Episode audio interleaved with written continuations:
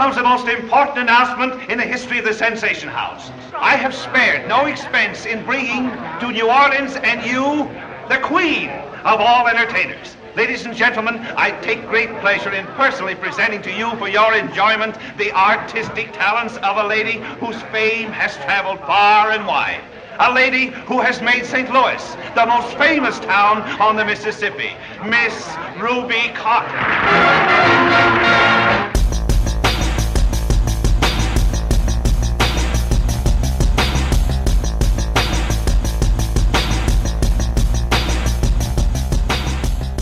Velkommen i kassen med David Bjerre, så har vi fat i musical-dramaet Belle of the 90s fra 1934. Kirby will kill me for this. What do you care? I don't. Absence does make the heart grow fonder, don't it? Huh? Well, if you don't stay awake too long. You don't mean you've been around with some other guy while I was gone. Oh, honey, you ain't jealous. Ruby, if I catch some other guy trying to fool around with you, I'll bust him in half. Well, I couldn't blame you. But you got nothing to worry about. Promise me you'll never think of another man. That depends on you. Ruby, I'll love you always. Who could ask for more? Så er vi endnu en gang tilbage i The Gay 90s. Og vi minder lige om igen, at det er altså 1890'erne, der er gay i den her forbindelse. Og igen, det er en anden slags gay. Uh, Mae West tager os endnu en gang 40 år tilbage i tiden med den her fjerde film, Belle of the 90s. Men selvom vi så havner i samme tidsperiode som hendes anden film, She Done Him Wrong, så er de her gay 90s altså en smule mindre gay, end de var i forrige film. Fordi censuren har for alvor lagt sin klamme hånd på Hollywood, og det har påvirket den her film i høj grad. Faktisk i så høj grad, at den ikke engang kunne få, få lov til at beholde sin oprindelige titel, men det, det vender vi tilbage til senere. Og, og hvis der skulle være nogen som helst tvivl, så starter filmen altså med et skilt, der, der, der understreger pointen. Der står simpelthen med store fede bogstaver, This picture approved by the Production Code Administration of the Motion Picture Producers and Distributors of America. Certificate number 136. så altså ja, fra start så bliver det lagt ud, øh, klart ud og meldt klart ud om, at det her det er simpelthen en Production Code film, så det er, vi er ikke længere i den såkaldte pre-code filmperiode. Men igen, det, det vender vi alle sammen tilbage til senere. Lad os lige tage fat i historien her i Bad of the 90s først. Vi starter i St. Louis. Her møder vi natklubsangerinden Ruby Carter, der naturligvis charmerer alt og alle med sin sang og sin skønhed. Og ikke mindst så charmerer hun altså sin kæreste, den professionelle bokser Tiger Kid. Desværre så blander den her boxers promoter sig. Han er lidt for MC og vil ikke rigtig have, at den her boxer er for distraheret af en kærlighedsaffære. Så den her promotor får altså spoleret det forhold mellem Ruby Carter og Tiger Kid. Så for at komme lidt væk fra det hele, så tager Ruby mod et tilbud fra rigmanden og entertainment manageren Ace Lamont. Han inviterer simpelthen Ruby til at være hovedattraktionen i sit fine underholdningssted, som hedder The Sensation House i New Orleans. Så der tager Ruby hen for at underholde, og Naturligvis så, så bliver hun inviteret øh, øh, til det her sted for at kunne lokke folk til, for at kunne lokke kunder i biksen. Men ham her, øh, Ace Lamont, han lægger altså heller ikke skjult på, at han også gerne vil i bukserne på hende. Det er ligesom en del af hans plan med at invitere hende til New Orleans. Så. Men Ruby, hun holder ham pænt på afstand, mens hun ligesom ser, hvad byen ellers har at byde på, om jeg så må sige hint hint. Øh, det går alt sammen meget fint et stykke tid, men så tager situationen et skarpt sving. Fordi Tiger Kid dukker pludselig op i New Orleans, og han er stadig interesseret i Ruby. Og han skal bokse en kamp, en, øh, en boksekamp, som, som øh, Ace LeMond står bag. Så pludselig er alle de her interesser blandet sammen. Så, så, så midt i de her øh, nye bekendtskaber og gamle flammer og finansielle interesser og sådan noget, så må Ruby altså kæmpe sådan en bragkamp for at holde fast i sine øh, ting og, og, og, og beskytte sine interesser og Og fidusen er jo, der er jo ikke andre, der sørger for hende. Det er jo sådan lidt stilen i de her Mae West-film. Hun må sørge for sig selv, og det gør Ruby så øh, også med, med, med, med gennemslagskraft. Det må man konstatere. Men, øh, men det skal jeg ikke afsløre her. Det, det skal man alt sammen se i den her film i Bell of the 90s. Og filmen her, den er instrueret af Leo McCarey, der har lavet en lang række film, og også en hel del film, man har, har stødt på uden tvivl. Han har instrueret sådan noget som Dog Soup fra 1933, The Awful Truth, An Affair to Remember. Vi snakker en, et, et, et langt, flot CV. Igen en af de her solide Hollywood-instruktører. Og, og han var jo også åbenbart en af hovedkræfterne til at hjælpe den her film sikkert gennem centuren. Øh, det, det, det kan vi åbenbart takke ham for. Øh, Mae West, hun spiller simpelthen igen hovedrollen. Naturligvis gør hun det. Hun er den her gang Ruby Carter. Det er hendes fjerde film, Mae West fjerde film, og hun har stadig sit navn over credit, og igen så står der, at det er hende, der har skrevet historien. Den her gang står der by Mae West, som, som den eneste sådan manus credit. Så, sådan er det som øh, Tiger Kid, der er den her bokser, der, der, der ser ud til at være lidt yngre end Mae West er. Øh, der har vi øh, Roger Pryor, som har lavet en lang række film fra, fra 1933 til op til 1945, hvor han fandt på andre ting at lave. Øhm, øh, 50 film, tror jeg, det er, han har lavet. Øh, over 50 film, så, men ellers kender jeg ham ikke så, så meget, må jeg indrømme. Så har vi øhm, John Milgen som Ace Lamont, der er den her rigmand og entertainment manager. Han har 211 credits på IMDb, så har man uden tvivl set det eller andet. Han dukker blandt andet op i The Ten Commandments fra 1956, men også en, en lang række andre ting. Så undervejs så møder vi også Johnny Mac Brown, som spiller Brooks Claiborne, der er en, ja, lad os bare kalde det en sugar daddy, som, som, som AOS møder undervejs. Han har 169 credits på IMDb, uh, øh, John Mac, Johnny McBrown, så uh, han har blandt andet lavet masser af westerns. Hvis man har set westerns fra den her periode, 30'erne, 40'erne og sådan noget, og videre deroppe af, så har man stødt på ham før. Øh, så møder vi også uh, Catherine DeMille, som øh, spiller Molly Brandt der er ligesom øh, ham her, øh, rigmand Ace Monts nuværende kæreste, der sådan godt kan se, hvor det bærer hen, og er ved at sådan blive skubbet ud på tidsspor, når, øh, når, øh, når Mae West hun dukker op. Catherine DeMille deler øh, sit efternavn med, øh, med øh, den berømte øh, Cecil B. DeMille, og det er fordi hun er øh, hendes, øh, hans adopterede datter, apparently. Hun har lavet, ikke lavet så forfærdeligt mange film, Catherine DeMille. Hun har, lavet, hun har 32 credits på IMDb, men hun har været med i sådan noget som, øh, som Unconquered fra 1947 øh, og, og Charlie Chan at The Olympics fra 1937, så, så, så hun har dukket op i nogle ting. Øhm, så møder vi også Libby Taylor, der spiller øh, Jasmine, som er øh, en af, eller som er øh, den øh, øh, tjenestepige, som, som, øh, som øh, Ruby øh, har i den her film, øh, eller som, som Mae West har i den her film, som hun har, hun har altid de her tjenestepiger omkring sig, øh, og Libby Taylor spiller altså også en tjenestepige i I'm No Angel fra 1933, så, så hende har vi set før.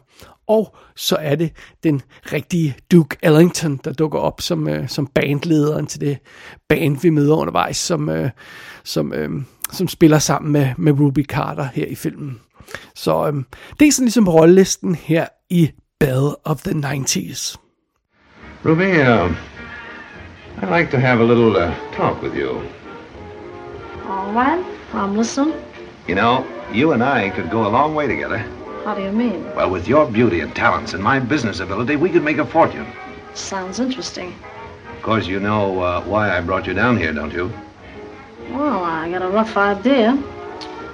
You're the kind of a woman I've dreamed about, always desired. I'm wild about you. Some of the wildest men make the best pets. Oh, Ruby, please. Now, wait a minute, Ace. What about this dame Molly? Molly? Well, she doesn't mean a thing, just a passing fancy. Well, maybe you think I'm a passing fancy. You couldn't be. I Bet your life I couldn't. Oh, Ruby, please. Ah, listen, Ace, I like you and all that. But I ain't stepping into another dame's shoes. I never took a man away from another woman yet. Not unless she done me dirt. It's a principle with me. Well, I wish you'd forget your principles, Ruby. I must have you. Your golden hair, your fascinating eyes and alluring smile and lovely arms, your form divine. Wait a minute. Wait a minute. Is this a proposal or you taking inventory? det er lidt svært ikke at få følelsen af déjà vu all over again, når uh, Bell of the 90s starter, fordi vi er i sådan en uh, dancehall music hall igen, og vi følger en kvinde, der er en sensation på scenen igen. Og det er altså en kvinde, som ingen mand kan modstå igen. Øh, det føles lidt som om Mae West, hun laver den samme film øh, for tredje gang i træk med den her øh, Bell of the 90s. Øh, og og, og det, det er jo specielt fordi, at, at Bell of the 90s øh, føles meget som om, den passer sammen med She Done Him Wrong, for det, det er simpelthen samme periode, og det er samme setup. Så, øh, så ja, déjà vu, det, det, det, det vil man føle i starten af den her film. Men alligevel så er der også noget lidt anderledes ved den her film. Øhm, selvom det afgjort er en øhm, Mae West film med det fokus hun foretrækker, så er stemningen en lille smule anderledes. Generelt så er filmen mindre sjov end de foregående film. Øhm, en smule mindre fræk og øhm, den her sådan lette tone, der har præget Mae West-filmen og hendes performances indtil videre op til det her punkt, de, de, de, de er forsvundet en lille smule fra den her film. Den, det, det, den der lette stemning, den er forsvundet en lille smule. Det, det må jeg tilstå.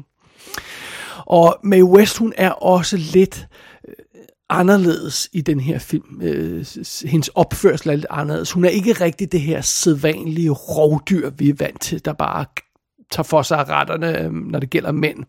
Øh, tag ikke fejl, Mae West og hendes karakter Ruby Carter her, er naturligvis stadig en, en sexet dame, og, øh, og, og, og det er der ikke noget vejen for, men, men, øh, men hun har tonet det lidt ned, øh, den opførsel, og bare sådan noget som, at Mae West, hun ikke rigtig går og frækker med hofterne på samme måde, som hun gør i de andre film. Det er en lille smule påfaldende, netop fordi hun, hun, har, hun, hun er så defineret som person i de foregående film, så det, så er det en lille smule påfaldende, når det mangler her.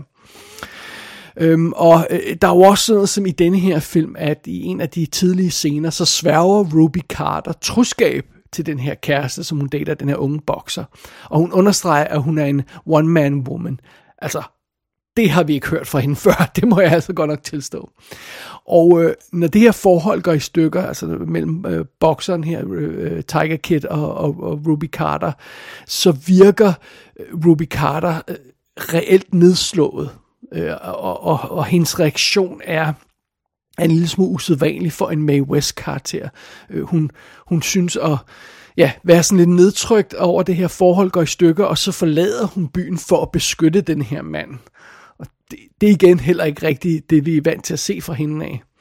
Og meget af den her nedtoning i historien og selve karaktererne, og, og specielt øh, hovedkarakteren, skyldes øh, øh, øh, øh censuren, så, så vi kan godt give øh, den noget af skylden for, for at den her film føles lidt anderledes. Men vi kan ikke give censuren øh, skylden for alle den her films problemer. Det kan vi altså ikke.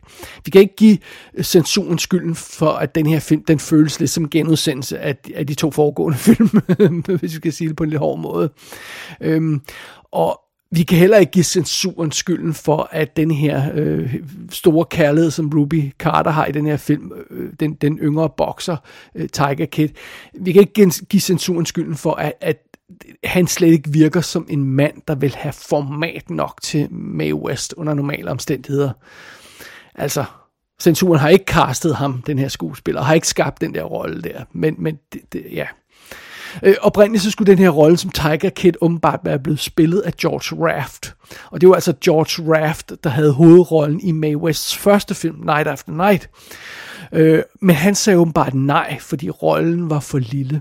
Og apparently, hvis man læser historier om George Raft, så er han sin egen karrieres største fjende, for de film, han har sagt nej til, er simpelthen vanvittigt. Altså, han har sagt nej til de største klassikere fra 30'erne og 40'erne. Der er sådan en helt lang liste over film, jeg har sagt nej til af alle mulige bizarre årsager. Øhm, på kommentarsporet så snakker kritikeren øh, Sam øh, Deegan om, om, om det her, øh, om, om George Raft, og hun spekulerer på, om George Raft måske kunne have, have, bragt lidt mere farlighed ind i den her rolle som, øh, som den her unge bokser. Og det havde måske øh, øh, hjulpet, øh, fordi i forvejen så er rollen en lille smule hæmmet af censuren, men øh, hvis man havde haft en skuespiller som, som George Raft, der måske kunne have givet den mere kant, så kunne det være, at det, havde jo, altså, det ikke havde gjort så meget, at censuren havde lagt nogle bånd på, på, øh, på karakteren. Øhm, det er i hvert fald svært at tro, at May, en, en karakter som Mae West spiller, skulle falde for den fyr, som vi ser i den her film. Det, det, det, det må jeg nok tilstå. Men filmen som helhed her har også problemer. Øhm, Bell of the 90s, historien i filmen her er afhængig af nogle rimelig svage påfund undervejs. Tiger Kid slår op med Ruby, efter han har overhørt en samtale, hvor han tror, hun cheater.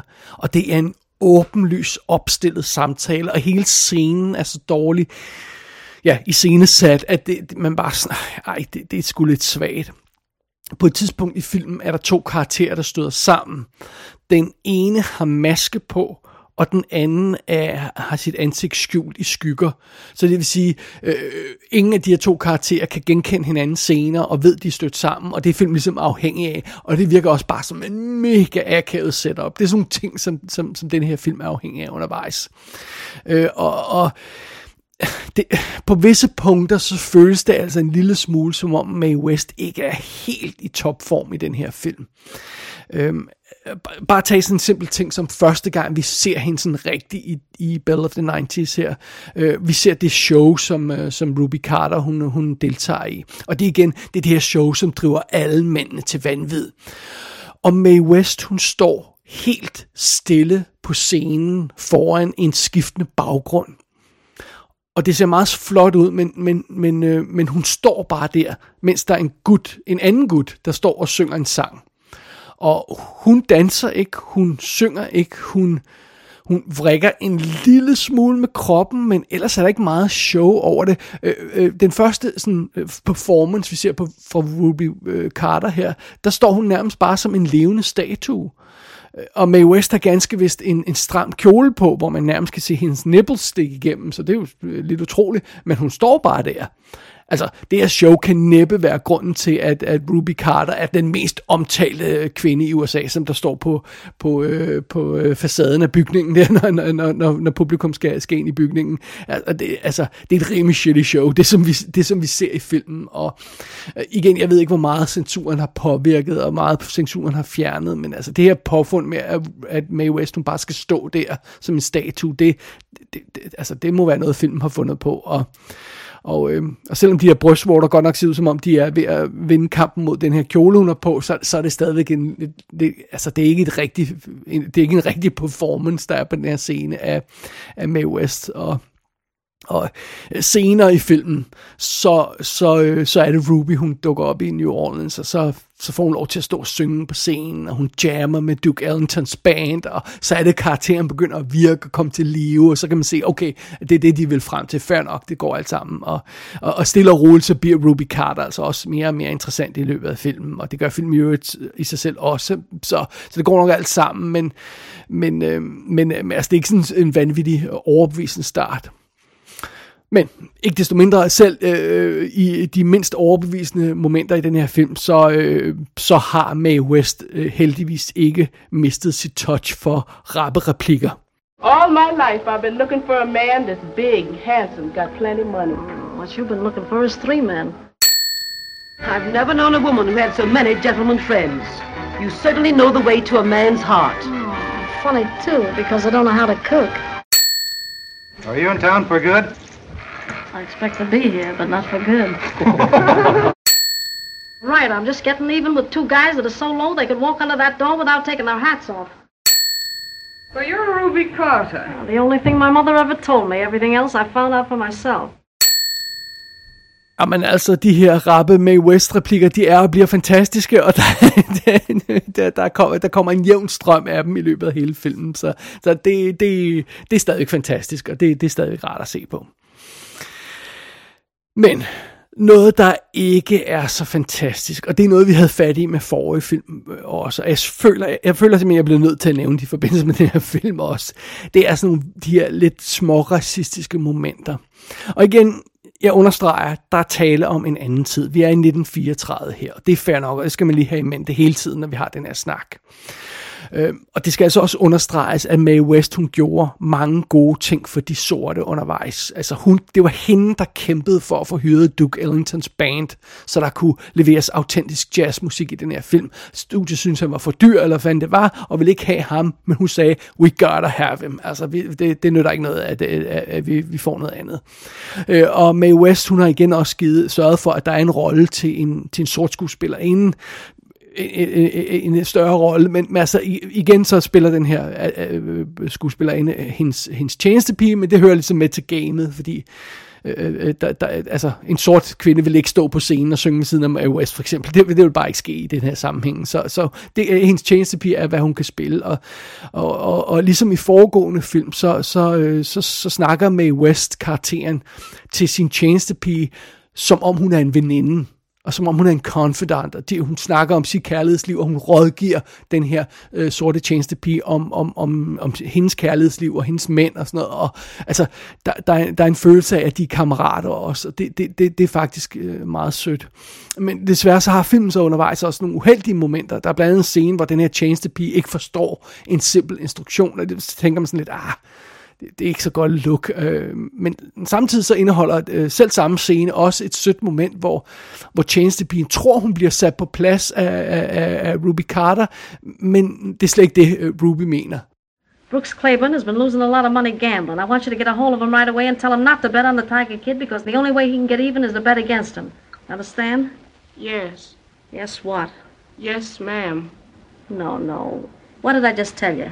Så igen, der er, sådan, der er gode ting, og der er dårlige ting i den her forbindelse med, hvordan sådan, de sorte karakterer bliver behandlet og, og sådan noget. Men altså, måske bliver det ekstra tydeligt i den her film, fordi vi er midt i New Orleans, og, og, man, altså, og, så, og så, så er der selvfølgelig Øh, mulighed for, at man kunne hylde øh, sort kultur og sort musik, øh, hvis man ville det, men det, det er så ikke helt det, der sker. Altså, vi får sådan en besynderlig sekvens i den her film, hvor alle byens sorte, øh, som jo så åbenbart er tjenere og, og, og, og chauffører og, og sådan noget, altså det er ikke toppen af poppen, de, de sorte øh, i den her by, og, og, øh, men så når de har fri, så, så samles de alle sammen og mødes øh, øh, og hører på den her præst, der står og prædiker mod djævlen, og når, efter de, han har prædiket mod djævlen, så alle de sorte, de danser rundt med, med vidt åbne øjne og ser vanvittigt ud, som var de de rene vildmænd og vildkvinder.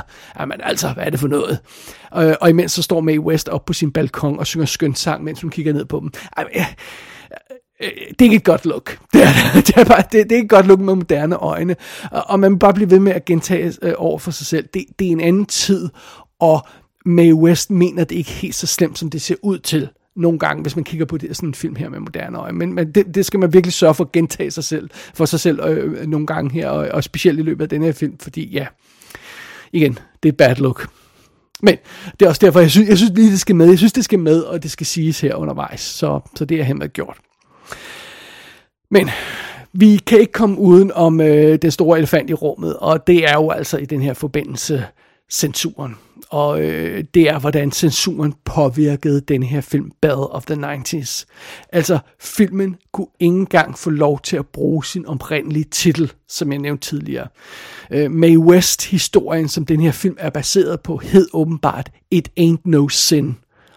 Og det måtte filmen ikke hedde. Nej, nej, vi kan ikke have noget med sind. Nej, nej, nej. Og vi kan vi ikke have noget, om, der indikerer, at det, ikke er, at, at det her ikke er synd, fordi selvfølgelig er der masser af synd i den her film. Det er jo med West. Nej, nej, det går ikke. Øh, så allerede på manuskriptstadiet, så dikterer øh, øh, censurkontoret, Hayes-kontoret, de dikterer altså ændringer i filmen. Og det fungerede simpelthen sådan, at man sender sit manuskript ind til godkendelse hos Hayes-kontoret. Så kommer det tilbage med noter, og så bliver noterne rettet. Så skyder man sin film, og så, så sender man filmen ind til godkendelse igen, og så bliver, kommer der rettelser tilbage. Det er sådan, det fungerer, det her censurhaløjse. Så det første manuskript, Paramount sender ind til Hayes-kontoret, bliver blankt afvist. No way. Altså, øh, al, alt vulgær opførsel, alt sjovfuld materiale skal simpelthen væk fra den her film. Det skal droppes. Al glorificering af kriminelle og forbrydelser skal ud væk. alle referencer til prostitution skal væk, må overhovedet ikke nævnes. Og, øh, og ja, så, så står der også i bemærkningen fra Hayes-kontoret, at hele filmens øh, budskab skal ændres. tak skal du have sagt. Det er lidt, det er lidt af en mund, mundfuld. Men det betyder for eksempel sådan noget som, at oprindeligt så var ideen, at Ruby Carter-karakteren, som Mae West hun spiller, hun er en tidligere prostitueret, der arbejder sig op i graderne men øh, det, det skal så helt fjernes. Så man får ikke fornemmelsen af den her karakters øh, øh, baggrund, og, og specielt ikke det her med, at hun måske har været udnyttet af mænd tidligere, og derfor ikke finder sig så meget nu. Det, det forsvinder fra historien. Oprindeligt så var ideen i det oprindelige manuskript, at Tiger Kid, han er en tidligere tyv. Og det forklarer så også, hvorfor han pludselig bliver hyret som en tyv senere i historien. Øhm, men den her, men, men igen det her, man må ikke glorificere kriminelle og sådan noget, så den her baggrund til karakteren skulle fjernes. Så pludselig virker det helt vildt underligt, at den her professionel bokser, som klarer sig fint nok, skulle blive hyret til at være tyv midt i den her film. Men det er så fordi, han har en baggrund som øh, tyv tidligere, og det ved den anden karakter. Men det ved vi ikke, fordi well, det er fjernet fra filmen. Øh, plus, altså, der er jo så en masse andre små ting, som også bliver rørt ved i filmen. Altså, øh, men det, hun, hun, hun må ikke kysse for meget for mændene, og, og øh, sjofle scener, altså scener, hvor hun står og omfavner mænd og sådan noget. Det, det går ikke. Øh, det må Mae West ikke gøre. Og alt det her, jeg siger nu, det er altså før filmen bliver skudt, at de ting bliver ændret. Efter filmen bliver skudt, og den ryger ind til Hayes-kontoret igen, så er der endnu mere brok fra dem. Øh, der er et, et dødsfald i filmen, der skulle ændres, så det kommer til at virke som et uheld mere end som et drab, og øh, det skal understreges at en karakter er uskyldig på et tidspunkt, og det løser man så ved at lave sådan nogle avisoverskrifter, der i klassisk øh, old school manier, der sådan swerper ind på skærmen, og så, åh, så der alle de her avisoverskrifter med den her karakter, der er blevet frikendt og er uskyldig og bla bla bla, og øh, Hayes-kontoret vil også gerne have, at slutningen blev lavet om i filmen.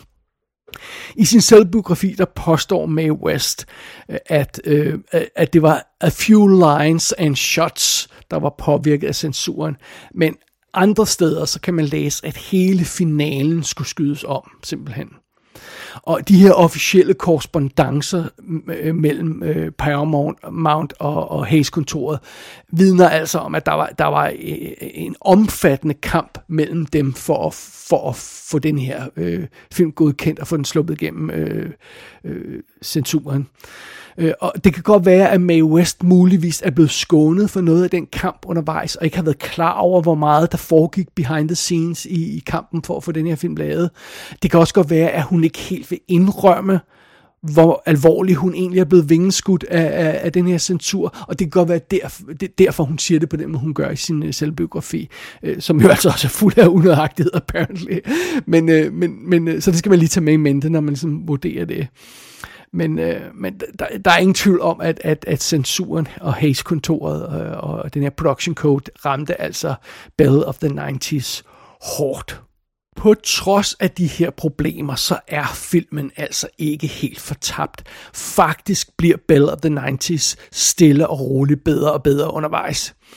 Øhm, historien øh, går væk fra det her, øh, som igen føles lidt som déjà vu med, med, med Ruby Carter, der bare skal score mænd, øh, og så øh, begynder den at handle om lidt flere interessante ting, sådan noget som tyveri og spillegæld og forsikringssvindel og mor og en arrangeret boksekamp og alt sådan noget. Og, øh, det her velkendte stik, som, som øh, Mae West har med, at hun går ind i et rum, og så går alle mændene amok, det, det vil blive sådan en lille smule... Øh, øh, øh, tyndt, jeg tror, jeg, tror, jeg man sige her på den fjerde film. Øh, så øh, så det, det, derfor er det mere interessant at se, øh, øh se på, på Ruby Carter i den her film, og, og dermed med West, der ligesom øh, må forsøge at udmanøvrere mænd i sit liv, og, og afværge deres øh, aggressive tilnærmelse og sådan noget. Altså, det, det er en lidt anden type kamp. Det her med, at alle bare doner, når hun træder ind ad døren, er ikke lige så fedt som, at hun må kæmpe lidt mere, og det, det klæder filmen, det klæder karakteren, at hun skal gøre det.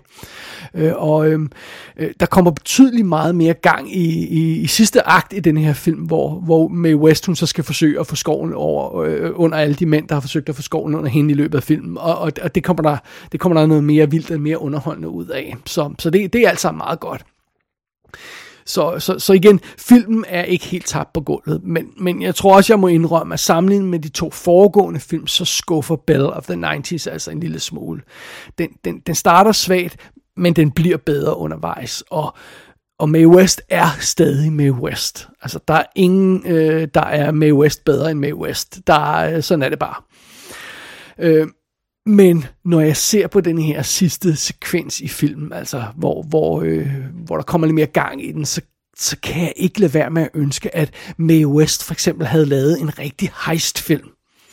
Altså det ville være vildt fedt at se hende i en ny arena, hvor hun skulle snyde mændene på en ny måde, og øh, stadigvæk bruge sine velkendte tricks og sine rappe replikker og sit udseende og sådan noget, men, men, men, men lege sådan på en ny scene. Altså Øh, der vil ikke ske noget ved, at Mae West hun prøvede noget lidt nyt. Øh, en ny location, en ny mission i livet. Øh, en hejsfilm ville virkelig være en, være en fed ting. Øh, vi trænger i hvert fald til et frisk pust af en eller anden form, sådan, sådan her i, i Mae West karriere, når vi er nu fire film inde i, i hendes CV. Det, det, det, det, det gør vi. På trods af alle de her problemer, så kravlede Bell of the 90s altså alligevel op på en øh, syvende plads i, øh, i 1934 box office top 10 listen, og, og, og det er selvfølgelig fedt nok. Så, så, så, øhm, men problemet er, at, at at filmen var åbenbart dyr at lave, så den blev ikke rigtig betragtet som et hit for Paramount. Ikke ligesom hendes foregående film, der var lavet meget billigere, og dermed øh, øh, øh simpelthen redde Paramount-studiet, fordi de gik så godt. Øh, det kan man ikke helt øh, øh, sige om den her film. Og... Øh, og det er jo altså også sådan, at Mae West, hun kan simpelthen ikke læne sig tilbage og så bare hvile på laverbærene fra det her punkt af. For, for nu af, så må hun altså kæmpe en hård kamp for at holde fast i den her stjernestatus, hun har opnået. Øh, og, og, og det indebærer altså den her kamp mod censuren. Og øh, det er så det, vi skal se på øh, i de næste par film her. Og igen, som jeg har vist har nævnt tidligere, jeg, jeg læser ikke forud på lektion, så jeg har intet læst om næste film. Så, øh, så jeg ved ikke, hvem der øh, vinder næste slag i kampen mod censuren. Øh, jeg ved bare, at det kommer til at foregå i Mae Wests femte film fra 1935. Den hedder Going to Town. Belle of the 90s er en del af May West in Hollywood Blu-ray-boksen for Powerhouse Films, og der er også en Kino Lorber Region A Blu-ray med et virkelig behageligt kommentarspor fra filmhistorikeren Sam Deegan. Gå ind på ikassenshow.dk for at se billeder fra filmen. Der kan du også abonnere på dette show og sende en besked til undertegnet.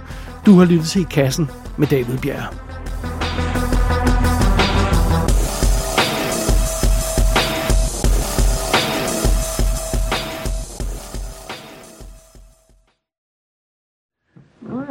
It's better to be looked over than overlooked.